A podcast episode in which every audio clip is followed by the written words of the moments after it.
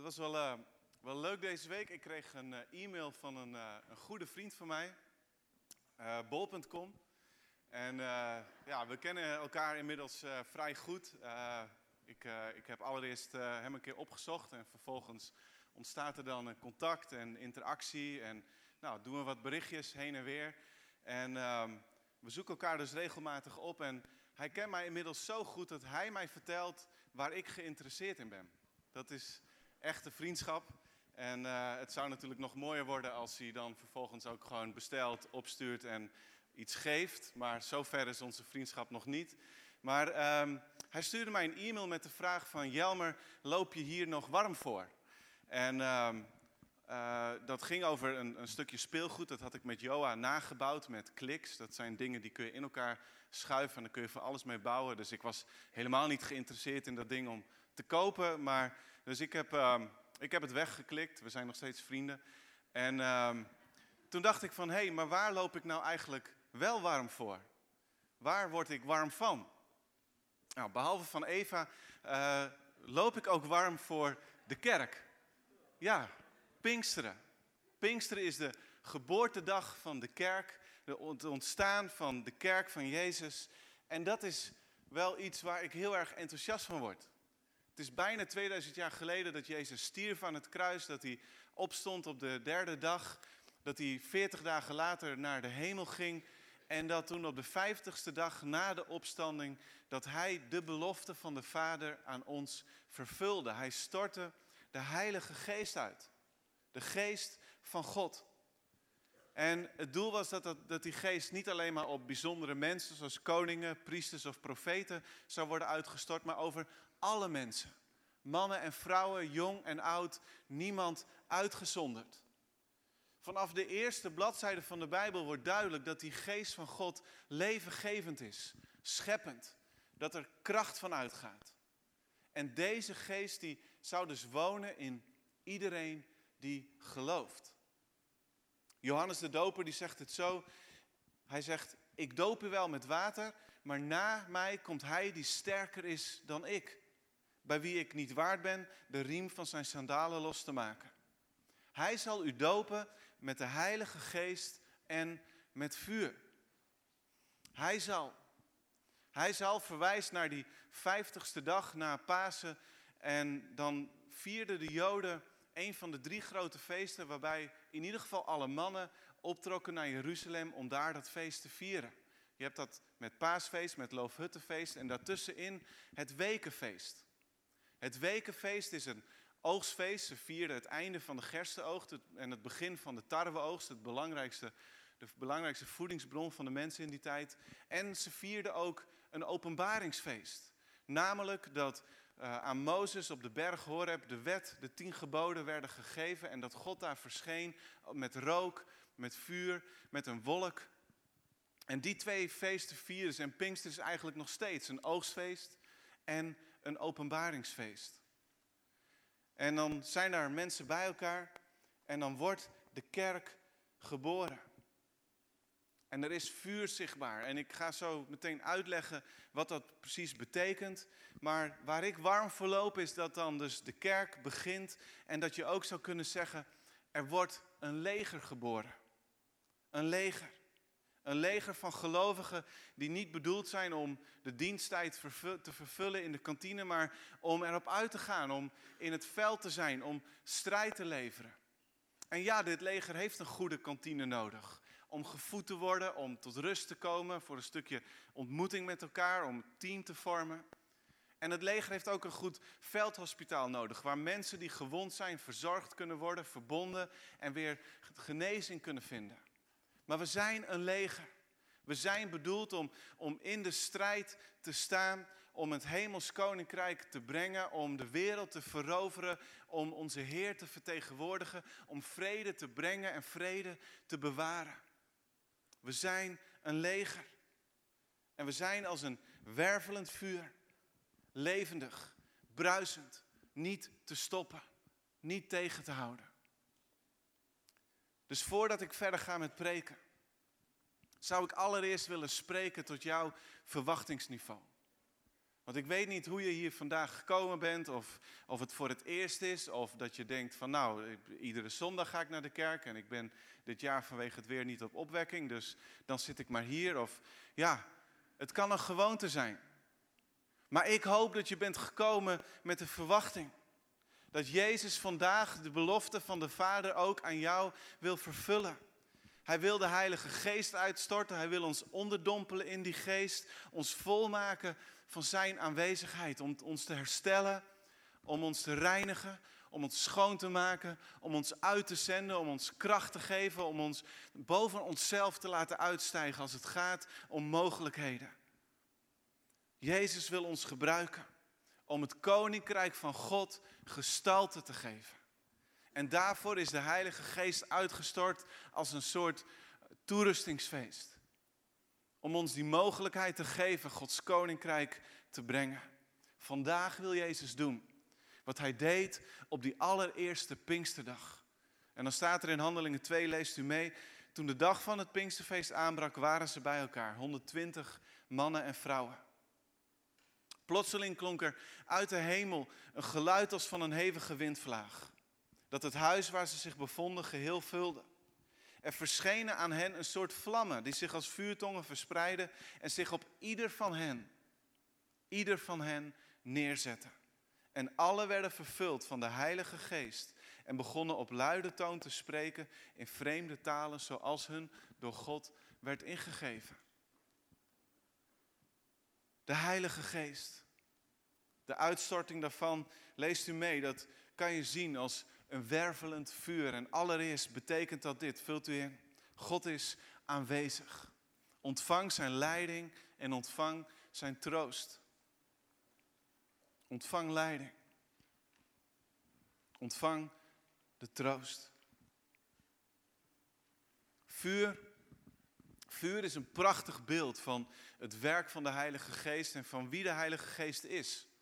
In de Bijbel wordt God heel vaak geassocieerd met vuur.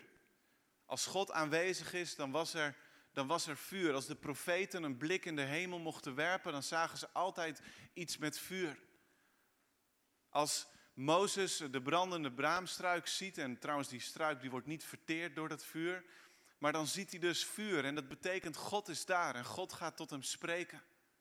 Het volk Israël ziet Gods aanwezigheid in een vuur. Er is vuur op de berg als de wet wordt uitgedeeld.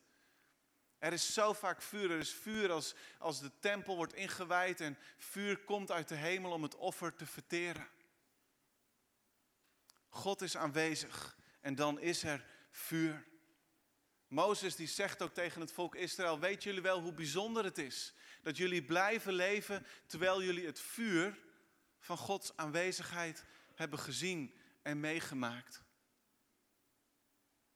Vuur staat voor God. De uitstorting van de Heilige Geest gaat dus gepaard met, met vuur, omdat God zelf door zijn geest in ons en bij ons en over ons komt. Zijn heerlijkheid is hier in ons, is hier in de gemeente.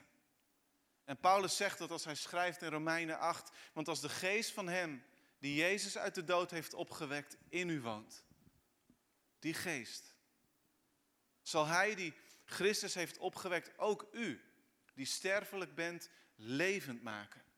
Door zijn geest die in u leeft. God zelf woont in ons. God is bij ons. Hij is dichterbij dan ooit. Hij woont niet in een tabernakel of in een tempel, maar wij mensen, jij en jij en, en iedereen, iedereen hier zijn allemaal als een tempel van Gods heerlijkheid en aanwezigheid. De schepper en de bewaarder van hemel en aarde. Die de hoogste bergen en de diepste troggen in de oceaan bedacht, creëerde en in stand houdt en ziet. De God die de machtigste stormen kan doen op, oprijzen, maar ook weer direct tot stilte kan brengen. Die enorme God die woont bij ons en is dichter bij ons dan onze eigen huid. Nogmaals, God is bij ons. Vanaf het moment dat we werden gedoopt met de Heilige Geest, werd duidelijk, God is hier. God is bij jou. En God is in jou. En naast heel veel dingen die daarover te zeggen zijn, betekent dat onder andere dit, dat God ons leidt. We lezen in nummer 9 vanaf vers 15, op de dag waarop de tabernakel met de verbondstekst was opgebouwd, werd hij overdekt door een wolk. Die avond was de wolk als een lichtend vuur boven de tabernakel te zien. En dat bleef zo tot de volgende morgen. Zo was het voortdurend. De wolk overdekte de tabernakel en was s'nachts te zien als een vuur. Telkens als de wolk zich van de tent verhief, trokken de Israëlieten verder. En op de plaats waar de wolk stilhield, sloegen ze hun kamp op. Op bevel van de Heer trokken de Israëlieten verder en op bevel van de Heer sloegen ze hun kamp op. Zolang de wolk op de tabernakel rustte, bleven ze op de plaats waar ze waren. Zo reëel was Gods leiding voor de Israëlieten. Soms duurde het een paar dagen, soms duurde het een hele lange tijd. En zo reëel is ook Gods leiding voor jou vandaag in jouw leven. Hij wil jouw wereld oplichten. Hij wil je leiden in het leven. En er is geen beweging zonder dat jij gehoorzaamt, zonder dat jij je boeltje oppakt en alles weer verzamelt en verder trekt, of zonder dat jij je tent opzet en weer opnieuw inricht. Maar we hebben de leiding van God om door het leven te gaan, om te weten waar we moeten zijn, wat we moeten doen, wat we mogen zeggen, wat we mogen betekenen. God trekt met ons op. Hij is niet ver. Hij is dichtbij. En Gods aanwezigheid betekent ook troost. Jezus zei, het is goed voor jullie dat ik naar de hemel ga, want dan kan ik de trooster zenden. Dat staat in Johannes 14. De trooster, de Heilige Geest, die de Vader zenden zal in mijn naam, die zal u in alles onderwijzen en u in herinnering brengen alles wat ik u heb gezegd. De Heilige Geest, daar staat in het Grieks dat hij de parakletos is. In het Latijn de advocatus. De Heilige Geest is een hemelse advocaat.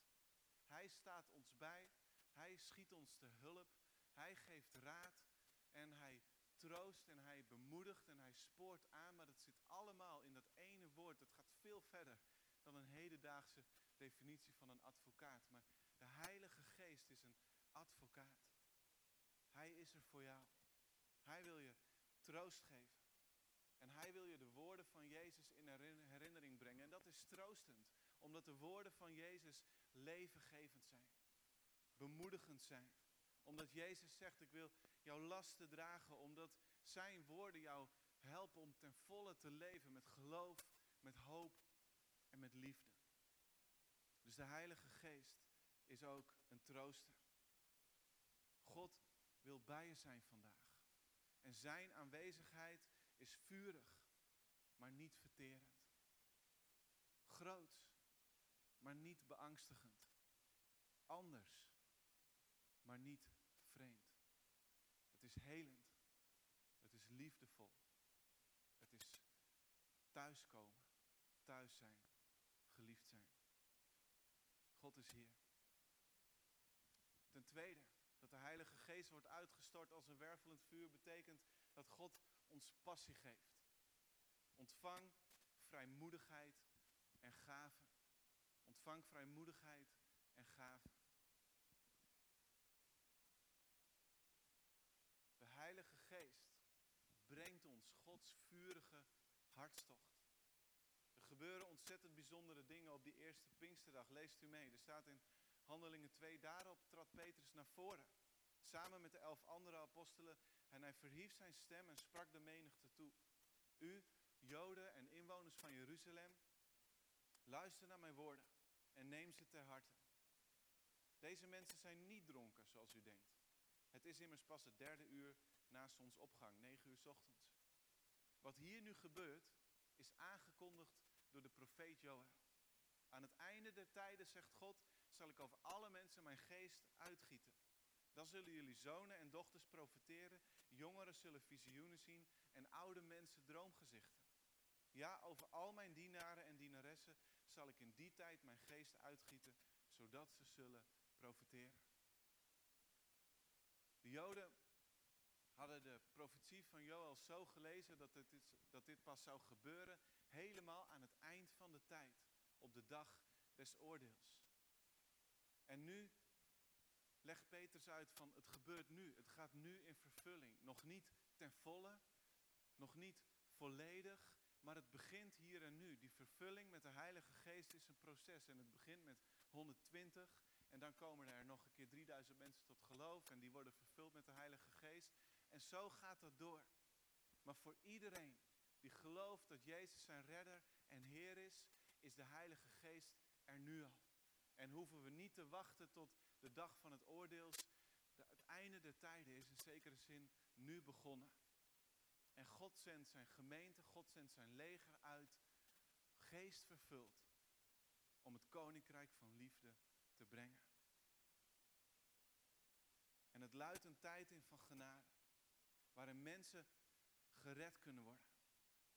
Waarin nogmaals, jong en oud, man en vrouw, mensen met een bijzondere taak of zonder bijzondere taak. En trouwens, als je vervuld bent met de Heilige Geest, heb je altijd een taak. Maar de vervulling van de Heilige Geest is voor iedereen. En het is een klein beetje inlezen in de tekst, maar ik kan me zo voorstellen dat dat vuur van Gods geest kwam niet als een bliksemschicht. Het was er even en het was weer weg. Het verscheen als tongen van vuur. Alsof het lang genoeg heeft gebrand op die hoofden, zodat al die 120 mensen helemaal onder de indruk om zich heen konden kijken en zien, hé, hey, bij jou ook, en bij jou ook, en bij haar ook, en bij haar. Iedereen, alle 120, een eigen tong van vuur. Iedereen ontving diezelfde gift. En vanaf die dag hebben al die mensen en iedereen die daarna kwam, in de weken en de jaren en de eeuwen daarna, die vervuld worden met de Heilige Geest, die hebben een passie. Een passie die levenslang is en die hun aanzet om het evangelie in en in en in goed nieuws te delen en te verspreiden, om te bidden, verwonderen, totdat die profetie van Joël ten volle werkelijkheid wordt. Als het einde echt. En zonder voorbereidingen, zonder papieren, zonder iPad brengt Petrus met pure hartstocht van de Heilige Geest de preek van zijn leven. De beste preek ooit. En als ze dan op verzet stuiten, wanneer ze staan te vertellen over Jezus, weet je, dan maakt dat nog steeds niet uit. In Handelingen 4 worden ze voor het eerst opgesloten. Ze worden gewaarschuwd, jongens, jullie mogen het niet meer over Jezus hebben. En onder bedreiging worden ze vrijgelaten. Je zult worden mishandeld als je nog één keer je mond open doet over de Jezus. En dan komen ze samen als gelovigen, ze zoeken elkaar op en dan bidden ze het volgende. Leest u mee. Wel nu, Heer, sla ook nu acht op hun dreigementen. En stel ons, uw dienaren, in staat om vrijmoedig over uw boodschap te spreken. Door ons bij te staan. Zodat zieken genezing vinden en er tekenen en wonderen gebeuren in de naam van Jezus, uw heilige dienaar. Toen ze hun gebed beëindigd hadden, begon de plaats waar ze waren te beven. En alle werden vervuld van de Heilige Geest en spraken vrijmoedig over de boodschap van God. Wat een gebed. Ik zou willen dat wij dit ook bidden. Wanneer er met wantrouwen of zogenaamd intellectueel of spottend over ons geloof wordt gesproken. Als wij worden aangevallen, en dat is op dit moment meestal nog met woorden, maar dat zou kunnen gebeuren op andere manieren, dan wil ik dat wij dit ook bidden. Met hetzelfde geloof en met dezelfde verwachting. En ik lees het even in de woorden van de Bijbel in gewone taal. Nu bidden wij tot u, Heer, wij zijn uw dienaren. Bescherm ons tegen onze vijanden en laat ons zonder angst uw boodschap vertellen. Zorg ervoor dat we zieke mensen beter kunnen maken en laat ons wonderen doen namens Jezus, uw heilige dienaar. Wat een geweldig gebed. Ik denk dat het dit jaar de derde of misschien de vierde keer was. In ieder geval de derde keer dat ik vlak voor Pasen een groep studenten uh, mocht ontvangen in de kerk.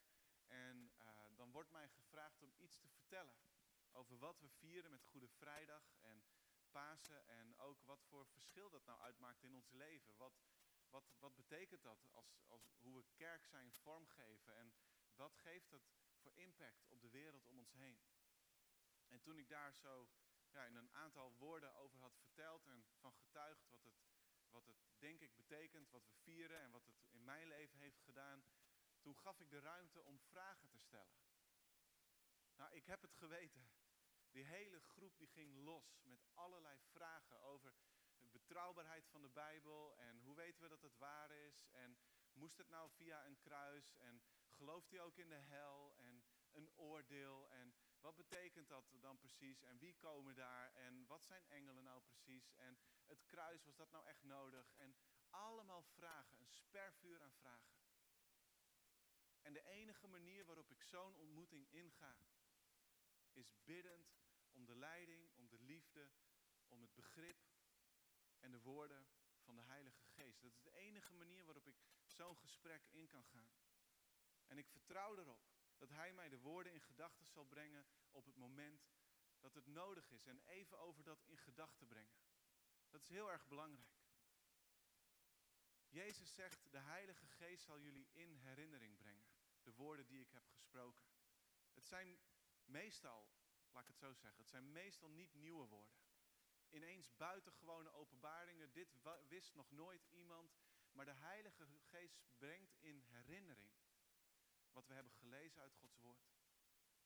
Brengt in herinnering toen we met een open hart, leergierig zaten te luisteren naar een preek. Een boek lazen van Gods vervulde mensen, schrijvers, sprekers. Dat zijn de woorden die in herinnering worden gebracht. Je kan niet in herinnering brengen wat nog nooit is gehoord of nog nooit is gesproken. En dat is belangrijk. Want ik, ik hoop dat jullie mensen zijn die leergierig zijn vandaag en thuis. Als je de Bijbel leest en een boek oppakt en een preek van een podcast beluistert.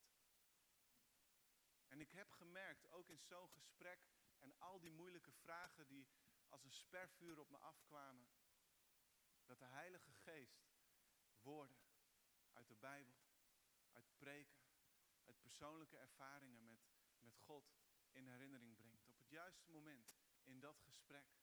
Zodat ik op een zo eerlijk mogelijke manier, op een zo liefdevolle manier, maar ook een duidelijke manier kon uitleggen. Wat geloven we nou eigenlijk? Waar staan we voor? En weet je, ik geloof dat het goed nieuws is. Ik hoef het niet beter te maken dan het is. Ook al schuurt het soms en ook al is het soms ongemakkelijk. De Bijbel zegt, het is goed nieuws. Dus laten we het vertellen zoals het is. Want beter nieuws is er niet. Door de kracht van de Heilige Geest ontvangen we de vrijmoedigheid om de liefde van Jezus te delen. Te spreken over de noodzaak van redding. En ook door wie we redding kunnen ontvangen. Door de Heilige Geest ontvangen we de moed om te bidden om wonderen in Jezus' naam. En ten derde, de Heilige Geest brengt Gods aanwezigheid, Gods hartstocht en passie. En ook God doet een opruiming in ons leven door de Heilige Geest. Ontvang heiliging en reiniging.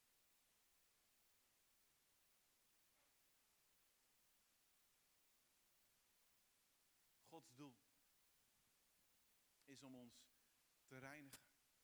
En de geest is het middel van onze heiliging. Zoals de zilversmid vuur gebruikt om dat edelmetaal helemaal schoon te maken en alle, alle ongerechtigheden, zeg maar, alle viezigheid eruit te halen. Zo gebruikt God ook de geest, de heilige geest, om onze zonde uit ons te halen. Zijn vuur zuivert. Het ruimt op. Vuur is een teken van Gods aanwezigheid, maar het is ook vaak een teken van Gods oordeel. Hebreeën 12 zegt heel duidelijk, God is een verterend vuur. Zegt hij aan het eind van hoofdstuk 12 en aan het begin van hoofdstuk 12, daarom, in die context, ruim zonde op in je leven. Je wilt toch niet met zonde en onreinheid komen in de aanwezigheid van God. Het is ook een vuur wat schoon wil maken. Herinnert ons aan het feit dat God zonde haat. Niet de zondaar, maar wel de zonde. Zonde is onrecht. Het is opstandigheid tegen God. Het is opstandigheid tegen de orde van God. Het is liefdeloosheid. Het is onreinheid. En het kan niet blijven bestaan in de aanwezigheid van God. En toch verteert het vuur van, de, van Pinksteren verteert de volgelingen van Jezus niet. Dominee Ari van der Veer die zegt het in mijn beleving heel erg sterk. Hij zegt, het vuur van Gods oordeel trof zijn eigen zoon. Vandaar die enorme verrassing met Pinksteren. De volgelingen werden gedood met Gods geest. Er was vuur te zien, maar het verteerde hen niet. De rechter bleek de redder te zijn. En het vuur trof hem. Ongelooflijk. We zijn gered. We mogen door Jezus staan als schoongewassen voor God. Maar dat betekent niet dat we al volledig zonder zonde zijn. We hebben het nodig om de Heilige Geest toe te staan, steeds weer opruiming te houden in ons leven. We lezen in Titus 2 dat dit het doel is van onze redding. Hij, dat is Jezus, heeft zichzelf voor ons gegeven om ons van alle zonde vrij te kopen, ons te reinigen en ons tot zijn volk te maken dat vol ijver is om het goede te doen. En in 1 Corinthians 6, vers 11, daar staat, sommigen van u zijn dat. Mensen die afgoden vereren, vreemd gaan, stelen, graaien, veel te veel drinken, anderen uitschelden, enzovoort, enzovoort. Sommigen van u, zegt Paulus, zijn dat ooit geweest. Maar u bent gereinigd, u bent geheiligd, u bent rechtvaardig verklaard in de naam van de Heer Jezus Christus. En door de geest van onze God. En ik doe er meteen nog één tekst achteraan, want het is het is zo mooi. De Bijbel is zo duidelijk, de Bijbel spreekt zo helder. Dus nog één tekst vanuit de Bijbel. Petrus die schrijft, zoals hij sprak vol vuur, schrijft hij ook vol vuur. En hij zegt in die eerste brief van hem, maar u bent een uitverkoren geslacht. Een koninkrijk van priesters, een heilige natie, een volk dat God zich verworven heeft om de grote daden te verkondigen van hem die u uit de duisternis heeft geroepen naar zijn wonderlijk licht. Hoe we leven doet ertoe. Hoe we leven is belangrijk. We zijn een heilige natie. We zijn het volk van God. We zijn gereinigd, dus geroepen om heilig te leven. We zijn, oh sorry, gereinigd te leven. We zijn geheiligd, dus geroepen om heilig te leven. We zijn gerechtvaardigd, dus we zijn geroepen om rechtvaardig te leven. Omdat we het zijn, worden we aangespoord om dat ook daadwerkelijk uit te leven. Om het te laten zien aan de wereld om ons heen. Waartoe we gered en gekocht en betaald zijn.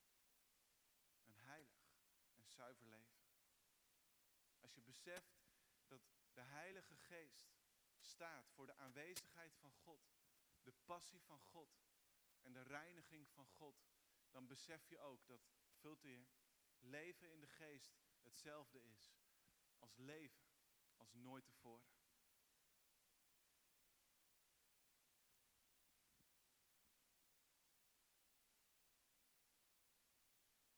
Leven in de geest, vervuld met de Heilige Geest, betekent dat we leven als nooit tevoren. In de meest wervelende, de meest bruisende, de meest heiligende, de meest vernieuwende zin van het woord. Een leven in de geest is avontuurlijk. Het is krachtig. Het is puur. Het is geweldig. En Jezus wil ook vandaag die belofte vervullen. Hij wil de Heilige Geest uitstorten om ons te onderdompelen met de Geest. Om ons vol te maken van Zijn aanwezigheid. Om ons te herstellen. Om ons schoon te wassen. Om ons te troosten. Om ons uit te zenden. Om jou te gebruiken. Het Koninkrijk van God gestalte te geven in het hier en nu. Ik zei al, we zijn een leger. We zijn een kudde, we zijn een gezin, we zijn een familie, zijn, we zijn van alles als gemeente. Maar vandaag, voor vandaag, moest ik in het bijzonder denken aan het beeld van een leger. Weet je, er is niks ergers dan een leger wat er niet goed uitgerust op uit moet gaan. De laatste jaren hebben we het gelezen over ons eigen leger en het Belgische leger. En weet je, gaat niet altijd goed. En soldaten zijn helaas uitgezonden met wapens en met materieel wat ontoereikend was. Dat leidt tot ongelukken, het leidt tot onveilige situaties. Het leidt ertoe dat je eigenlijk gewoon maar beter helemaal niet kan deelnemen aan de strijd.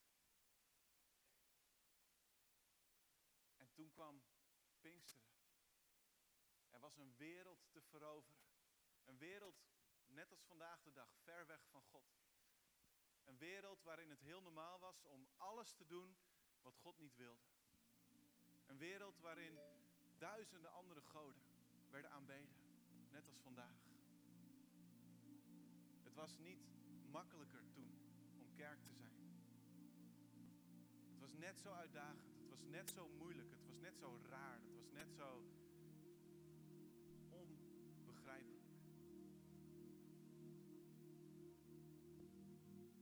Jezus had duidelijk gemaakt aan zijn discipelen, ga er daarom op uit en maak alle volken tot mijn discipelen.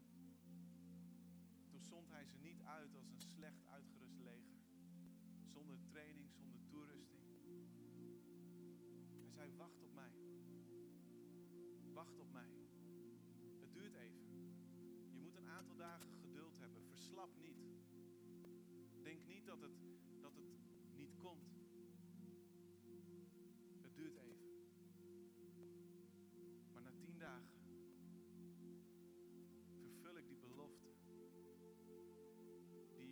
Testament staat voor leven, voor kracht, voor vernieuwing. Die belofte die ga ik aan jullie vervullen. En ik zend jullie uit, ja. Maar de boze geesten zullen bang voor jullie zijn. En jullie zullen gif drinken en het zal jullie niks doen. En jullie zullen bidden om genezing en het zal gebeuren. En ik kan dat met alle voorzichtigheid zeggen, voor mensen die niet zijn genezen. Ik heb mensen gezalfd met olie die niet zijn genezen. En toch durf ik het te zeggen. Want dit is waarvoor de Heilige Geest werd uitgestort. En dit is wat Hij vandaag aan ons wil geven. De moed, de vrijheid om zonder terughoudendheid te spreken over Jezus. Om mensen aan te raken met Zijn liefde.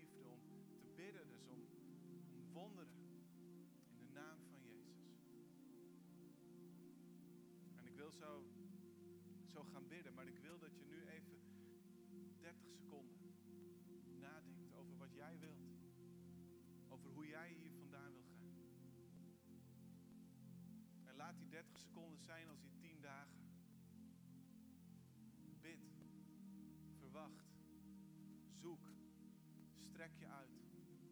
God wil jou de Heilige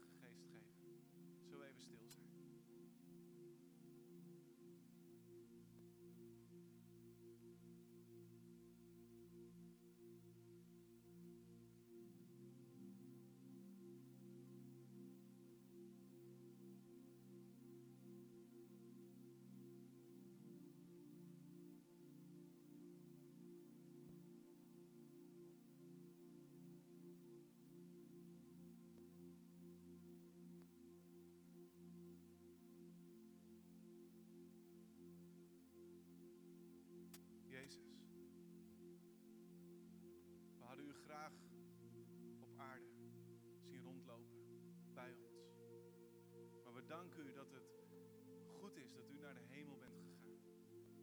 Zodat u de belofte van de Heilige Geest kon vervullen. Petrus, Jacobus, Johannes, en Andreas. Aan al die 120, aan al die 500, aan al die 3000 aan al die 5000. Heer, tot op de dag van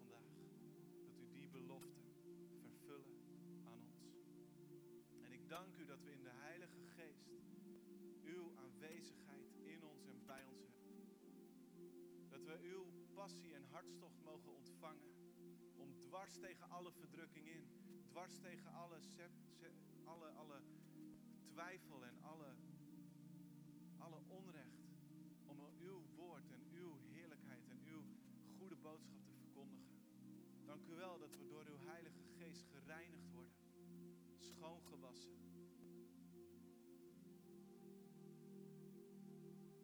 En ik bid vandaag dat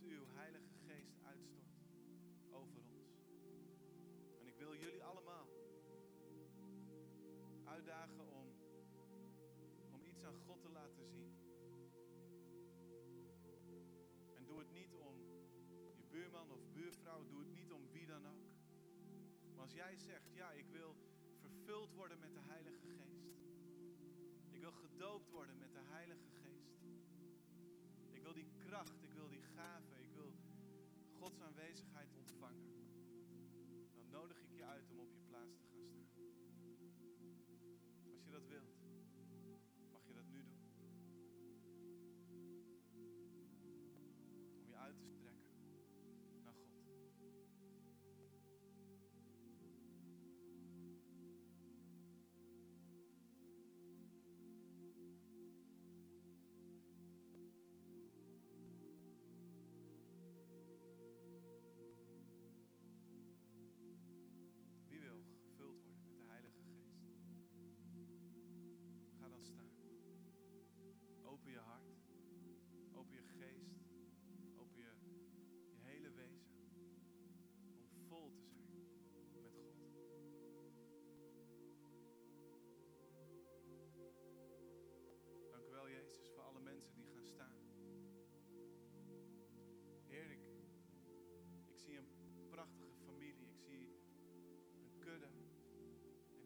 vandaag bovenal een leger. En ik dank u wel, Heer, dat u op dit moment iedereen hier wilt vullen met uw Heilige Geest. Kom met uw vuur. Kom met uw reinheid. Kom met uw passie. Kom met uw heerlijkheid in ons leven. God, dat als we van hier uitgaan, Heer, dat we de, niet bang zijn voor de wereld. Maar dat de wereld mag ontdekken dat u leeft, dat u regeert. God, ik bid dat we zullen leven als nooit tevoren. Dat we mogen doen, dat we mogen zien, dat we er getuigen van mogen zijn. Dingen die we nog nooit van tevoren hebben gezien. Door de kracht en de mogelijkheden van uw Heilige Geest. God, ik bid dat u iedereen volmaakt hier. In de naam van Jezus, wees gevuld met de Heilige Geest. In Jezus' naam. Zullen we met z'n allen gaan staan. We gaan zingen, we gaan aanbidden.